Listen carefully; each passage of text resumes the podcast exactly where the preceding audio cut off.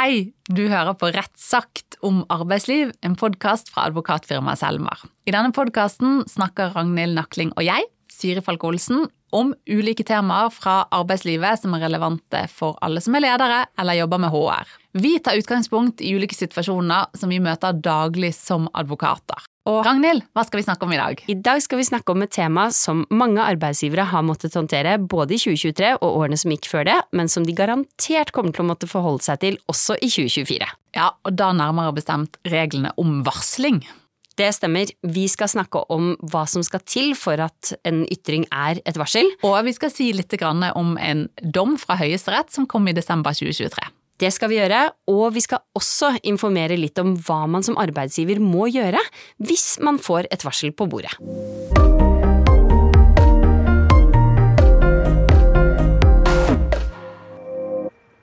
Mer konkret, Ragnhild, hva er et varsel, eh, og hva betyr det at en ytring på arbeidsplassen eh, er et varsel i arbeidsmiljølovens forstand? Og her har du kanskje et case vi kan diskutere dagens problemstilling ut ifra? Vi tenker oss en HR-direktør i en industribedrift. Der er det et veldig aktivt verneombud, og han sender ofte e-poster. Det er veldig mye han mener at ikke er på stell på arbeidsplassen, og veldig mye som han mener at HR-direktøren må ta tak i. Disse e-postene er ganske skarpe, og det står ofte der at for eksempel kollegaer er udugelige eller inkompetente. Og nå er det kommet en ny e-post. Der står det at ledergruppen ikke tar verneombudet på alvor, de kommer for sent til møtene som han innkaller til, og de bryr seg ikke noe om HMS-arbeid. Og i den e-posten så står det på slutten at hvis ikke den udugelige og inkompetente ledergruppen skjerper seg og fokuserer mer på hvor viktig HMS er, så vil dette kunne sette ansattes liv og helse i fare tillegg så står det at ledelsen undergraver rollen min som verneombud, og jeg opplever dette som ren og skjær trakassering. Ja, og HR-direktøren har jo sett seg veldig lei eh, på at verneombudet sender sånne e-poster, eh, og at han karakteriserer kolleger sånn som han gjør. Så derfor så tenker HR-sjefen at nok er nok, og hun eller han, det er jo litt uh, avhengig av hvem det er, men tenker at nå er det på tide med en skriftlig advarsel for ugrei språkbruk og omtale av kollegaer. Men rett før denne mailen skal skal sendes fra henne, da, så tenker hun på skal hun ringe advokaten sin for å spare litt. Og Siri, hvis det var du som var blitt ringt opp av denne HR-direktøren, hva hadde du sagt da? Er dette en situasjon hvor det er klokt å reagere med en advarsel, og kan denne situasjonen ha en side til regelen om varsling? Kanskje ikke så overraskende om svaret er ja, siden temaet for dagens episode er nettopp det? Ja, det er riktig. Denne e-posten har nok absolutt en side til varslingsreglene. Og det er det ikke alle som ville ha tenkt, eh, hvis, eh, heller ikke arbeidsrettsadvokater, eh, hvis vi hadde stilt klokken litt tilbake i tid. Det er jeg enig i. Eh, casen har jo en god del likheter da, med en sak som nettopp var oppe i Høyesterett. Der kom dommen i desember, og innenfor arbeidsrettsmiljøet så er det mange som har ventet på den, kanskje mange av dere som hører på òg. Men Siri, kan ikke du si litt kort om hva den saken handlet om? Jo, det kan jeg, og den saken eh, den handlet jo om eh, hvorvidt en e-post fra en tillitsvalgt eh, til en HR-sjef eh, Eh, hvorvidt det var å anse som et varsel i arbeidsmiljølovens forstand. Og litt mer sånn konkret, hva er egentlig terskelen for at en ytring skal anses å være et varsel? Ja, og for at man skal kunne ta stilling til det, da, så må man jo gå til arbeidsretts, eller også kalt arbeidsmiljølovens regler om varsling. De finner man i kapittel 2a. Og igjen, Siri, hvis du kan si litt mer om hva står der, og hvorfor har vi de reglene? Ja, vi har hatt regler om varsling i arbeidsmiljøloven faktisk siden 2007. Eh, og hensynet eller formålene med disse reglene eh, det er jo at man skal fremme en god ytringskultur på arbeidsplassen, og at ansatte ikke skal bli møtt med sanksjoner hvis de tar opp eh, kritikkverdige forhold på jobb. Og samtidig så kan man jo si at disse reglene det er jo en form for sånn spesialregel av det som allerede gjelder om ytringsfrihet. Eh, vi har regel om ytringsfrihet i Grunnloven. Eh, og at eh, sånn sett så kan man jo si at det er ganske selvsagt at man ikke skal bli straffet for å benytte seg av eller bruke ytringsfriheten. Så Sånn sett så kan man jo si at varslingsreglene er litt rare i den forstand at man har lovfestet en rett til å si fra om ting på jobb. Ja, det er sant, og samtidig så har man jo hatt en god del saker i Norge, og i hvert fall internasjonalt, der det at enkeltpersoner har sagt fra om noe som ikke er greit, noe som ikke er bra, det har jo da avdekket ganske alvorlige forhold, egentlig, av stor samfunnsmessig betydning. Eh, alt fra korrupsjon, økonomisk kriminalitet, forurensningsskandaler, og hvor det har vært utrolig viktig med akkurat disse varslingsreglene og det vernet man da får som varsler. Men den høyesterettssaken før jul, den handlet vel om situasjoner som var ganske langt unna korrupsjon, forurensningsskandaler osv., er det ikke sånn?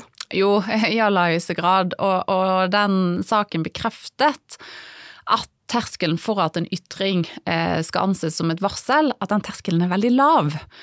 Det tenker jeg at vi allerede visste ut ifra ordlyden vi har i arbeidsmiljøloven, men jeg tror likevel at det er riktig å si at det var en del som likevel ble overrasket over hvor lav den terskelen faktisk er. Ja, og jeg tror i forrige episode så tror jeg jeg hadde en sammenligning om på en måte en før i hvert fall en liten dørterskel da, som man måtte gå over, og nå istedenfor liksom universell utforming hvor du nesten bare glir, og så er det en liten hump. Men um, det er jo mer å si om det. Hva tenker du der, Siri? Nei, altså vi kan jo gå litt inn i ordlyden i eh, loven, som sier noe om sant? Vi visste allerede at terskelen var lav, og det skyldes at det som står i loven, i arbeidsmiljøloven, det er jo at man ikke har en klar definisjon på hva som er et varsel, men man gir noen eksempler, og det står i loven at Altså med kritikkverdige forhold så mener man ting som er i strid med rettsregler. Det kan være i strid med skriftlige etiske retningslinjer i virksomheten, eller etiske normer som det er bred tilslutning til i samfunnet. Og så kommer man med noen eksempler, og der viser man f.eks. For forhold som kan innebære fare for liv eller helse, altså, eller forhold som kan innebære fare for klima eller miljø. Man snakker om korrupsjon eller annen økonomisk kriminalitet, myndighetsmisbruk, uforsvarlig arbeidsmiljø eller brudd på personopplysningssikkerheten. Men så er alle disse, disse punktene som jeg nevnte her, det er da bare eksempler. Sånn at man mm. viser at det kan også være andre ting. Eh, men man har likevel da sagt noe om hva som kan være et varsel. Og i høyesterettssaken så handlet det om i den høyesterettssaken som var før jul, så var det en snakk om altså hendelsesforløpet. Det var eh, litt likt som vårt case. Det var en sint e-post fra en tillitsvalgt eh, til en HR-sjef, og spørsmålet var om den e-posten var et varsel om kritikkverdige forhold. Mm. Og bakgrunnen det var at den tillitsvalgte hadde vært med i et møte på jobb, og da i kraft av å være tillitsvalgt, eh, og at han reagerte på hvordan HR på jobb. Altså dette var hvordan HR hadde opptrådt i møtet. Eh, og det ga han tydelig beskjed om i den e-posten. Ja, det, han ga ganske, ganske eller veldig tydelig beskjed om det. Det ene han skrev var vel noe sånt som at han var lettere sjokkert. Det var kanskje ikke så sterkt, men så var det også noe om at arbeidsgiver her var dommer, jury og bøddel. Eh, og da er det jo i hvert fall en eh, ja, ganske sterk ordbruk, da, ganske strenge ord om egen arbeidsgiver. Ja, jeg tror vi kan si at den tillitsvalgte var ganske krass i beskyldningene mot den HR-ansvarlige som hadde vært med i dette møtet. Eh, det var et møte som handlet om at en ansatt, ikke den tillitsvalgte, men en ansatt den tillitsvalgte representerte, skulle få en advarsel. Eh, og eh, den tillitsvalgte beskyldte i denne e-posten da denne HR-ansvarlige for å være både arrogant, ufin og respektløs. Eh, og det ble også tatt opp at den tillitsvalgte mente at det som hadde skjedd i møtet var trakassering av den ansatte, som da hadde endt opp med å få en advarsel. Mm. Og så har vi jo nå vært inne på en del, hva skal til for at noe er et varsel? Og det HR jo faktisk tok stilling til når de fikk denne e-posten, da, det var jo litt direkte eller indirekte om dette var et varsel i arbeidsmiljøloven sin forstand. Men da e-posten ble sendt, så var det vel ingen som tenkte på det? Nei, eh, jeg tror det var ingen som tenkte på det. Eh, verken de som mottok e-posten, som var da en eh, HR-sjef over i linjen, eller egentlig den tillitsvalgte som sendte e-posten. Det var først noe som kom opp veldig mye senere. Og da må man jo nesten spørre, går det an? Hvis verken den som sender mener det er et varsel, eller den som mottar vurderer det som et varsel, kan det være det? Ja, altså, det for det som skjedde i denne saken. Fordi at det som, det som var hendelsesforløpet, det var jo at eh, den tillitsvalgte eh, fikk en advarsel etter å ha sendt denne e-posten. Og da pga. språkbruken og omtalen av kollegaer. Man mente at det var i strid med hvordan man skulle snakke om hverandre eller skrive om hverandre. Eh, og så ble den tillitsvalgte pga. helt andre omstendigheter eh, omplassert fra den stillingen han hadde noen måneder senere. Og så var det den omplasseringen eh, som den tillitsvalgte da mente var ugyldig, og det tok han ut søksmål eh, for å prøve på en måte om den omplasseringen var, var rettmessig. Det skjedde lenge etter at denne e-posten ble sendt. Så spørsmålet om var denne e-posten et varsel, det kom først opp etter at han hadde gått til sak om noe helt annet, er det riktig? Ja, men, men, da kom jo det opp som en anførsel, som vi mm -hmm. sier da. At det kom opp først senere, for da i saksforberedelsen, som vi kaller det, så, så ble det hevdet, da ble det tatt opp at den e-posten som ble sendt tilbake i tid, at den egentlig var et varsel, og at det som hadde skjedd i ettertid med advarselen og omplasseringen, det var gjengjeldelse, eller ulovlig gjengjeldelse pga. varselet som den tillitsvalgte sendte. Ja. Og gjengjeldelse, det kan vi vel egentlig kort si at det er på en måte det at man ikke skal oppleve noen negative konsekvenser da, av å ha varslet, og hvis du opplever det, så er det gjengjeldelse. Ja. Veldig kort og upresist der, men og så var det vel, hvis jeg ikke husker feil, så tingretten, lagmannsretten, kom til at dette var ikke et varsel. Terskelen må være litt høyere. Og nettopp derfor så var det jo en kanskje litt overraskelse, i hvert fall, da, da Høyesterett sa det motsatte før jul. Ja, Høyesterett kom da til en annen konklusjon, eh, og mente at eh, altså Høyesteretts flertall, det var fire dommere som mente at dette var et varsel, og én dommer som ikke mente det. Eh, så da kom de altså til et annet resultat mm. enn hva de underrettsinstansene hadde kommet til. Og hvorfor det?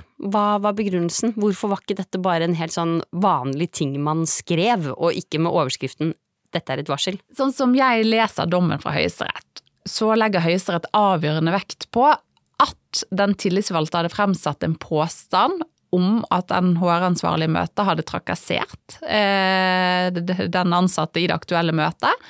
Eh, og det ble også fremmet veldig sterk kritikk mot den HR-ansvarlige. Og den kritikken, eh, hvis dette var sant, hvis det var riktig, det ville antagelig da være et brudd på arbeidsgivers etiske retningslinjer, hvor det var krav om at eh, enhver må opptre hensynsfullt og korrekt overfor ledere og kollegaer.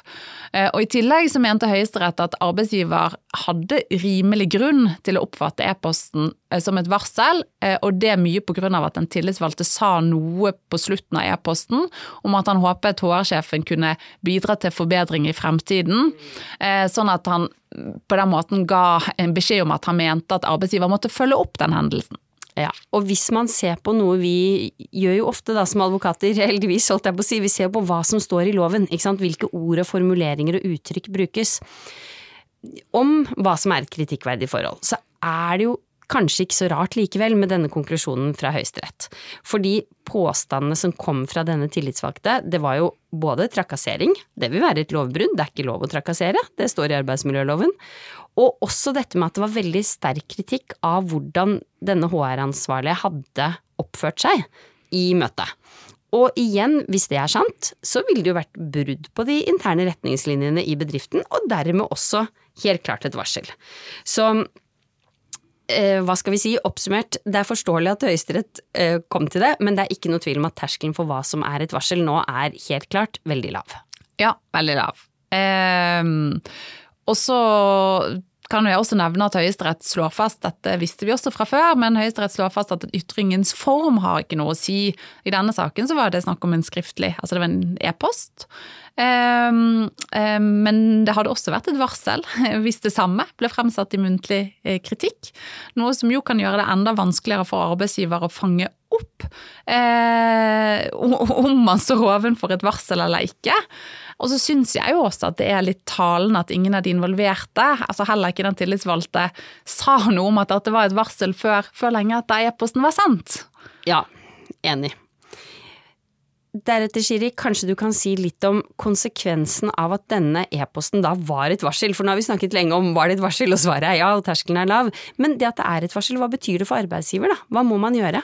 Ja, og det er jo det veldig mange er opptatt av. Hva, hva betyr dette i praksis for oss? Um, og eh, det er vel mest sånn arbeidsrettsjurister som syns det er interessert å diskutere grensen for at en ytring er et varsel. Eh, det som arbeidsgiver jo lurer på, er hva skal vi gjøre med dette? Eh, og det er noe enkelt, altså litt forenklet kan oppsummere med da, det er jo at hvis Altså det er på en måte to viktige ting. At hvis en ytring det er et varsel om kritikkverdige forhold, da er det to ting som jeg tenker er viktig at arbeidsgiver bør ha med seg. Og det første? Det første eh, det er at arbeidsgiver har da en aktivitets- og undersøkelsesplikt.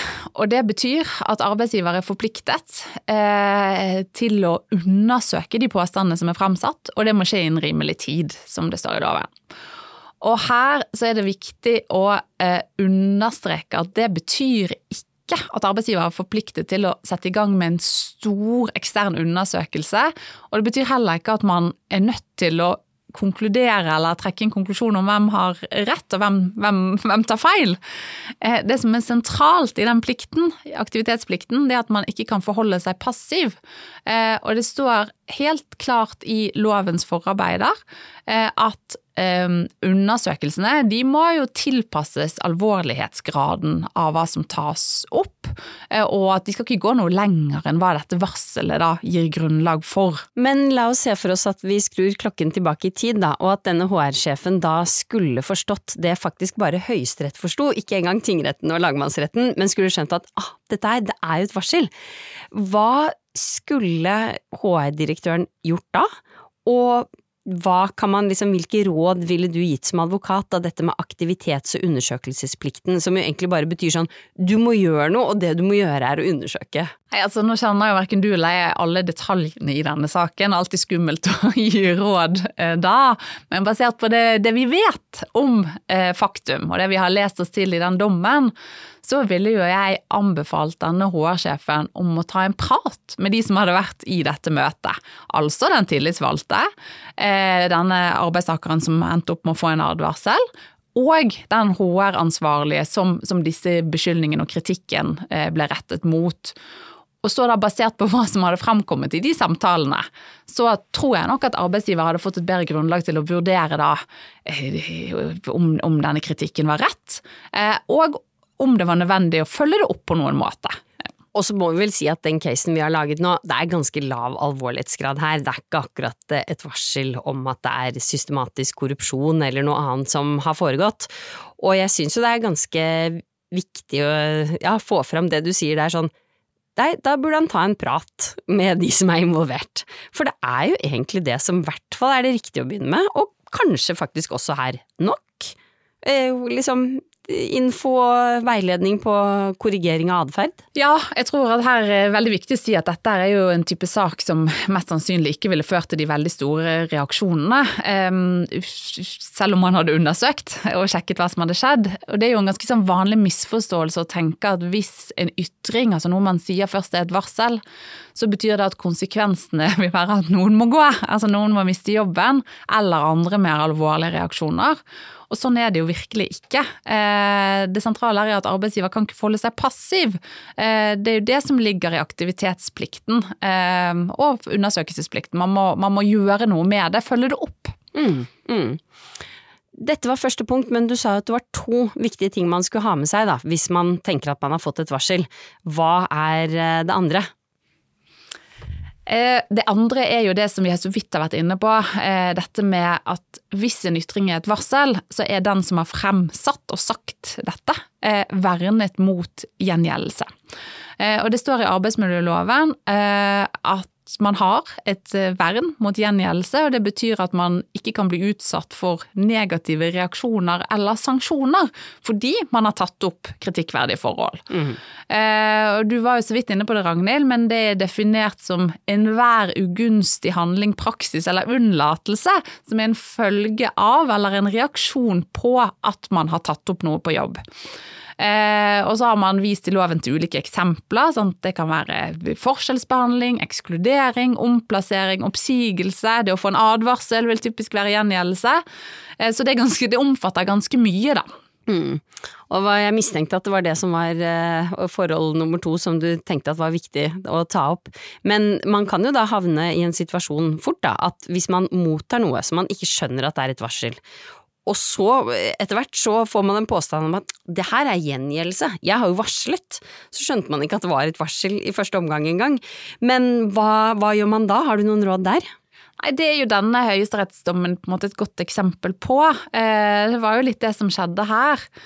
Eh, og jeg tenker at Det som i hvert fall er viktig, det er at arbeidsgiver har gode varslingsrutiner. Eh, og at man har bevissthet på hva slags ytringer som kan være et varsel i arbeidsmiljølovens forstand.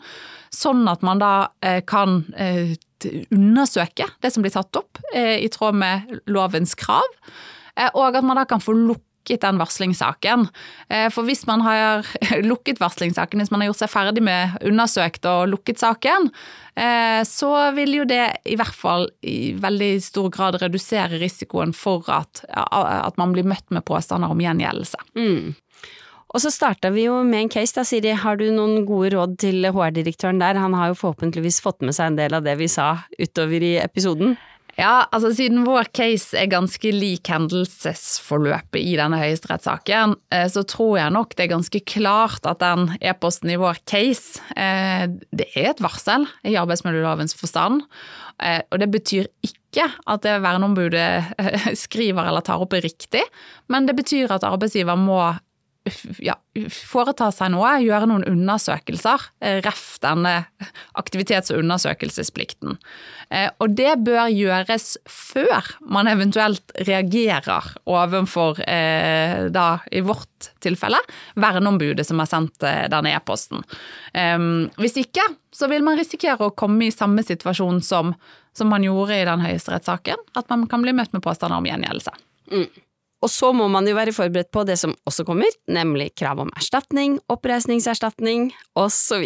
Det skal vi nok snakke om i senere episoder òg. Men da håper vi dere som lytter til oss har fått litt mer informasjon om når en ytring er et varsel, og hva man i så fall skal gjøre. Vi håper at dere fortsetter å høre på Rettsakt. Og hvis du har noen temaer som du ønsker at vi skal ta opp, eller noen spørsmål som du lurer mer på, så blir vi kjempeglad hvis du sender en e-post til rettsagt at selmer.no. Da høres vi igjen i neste uke.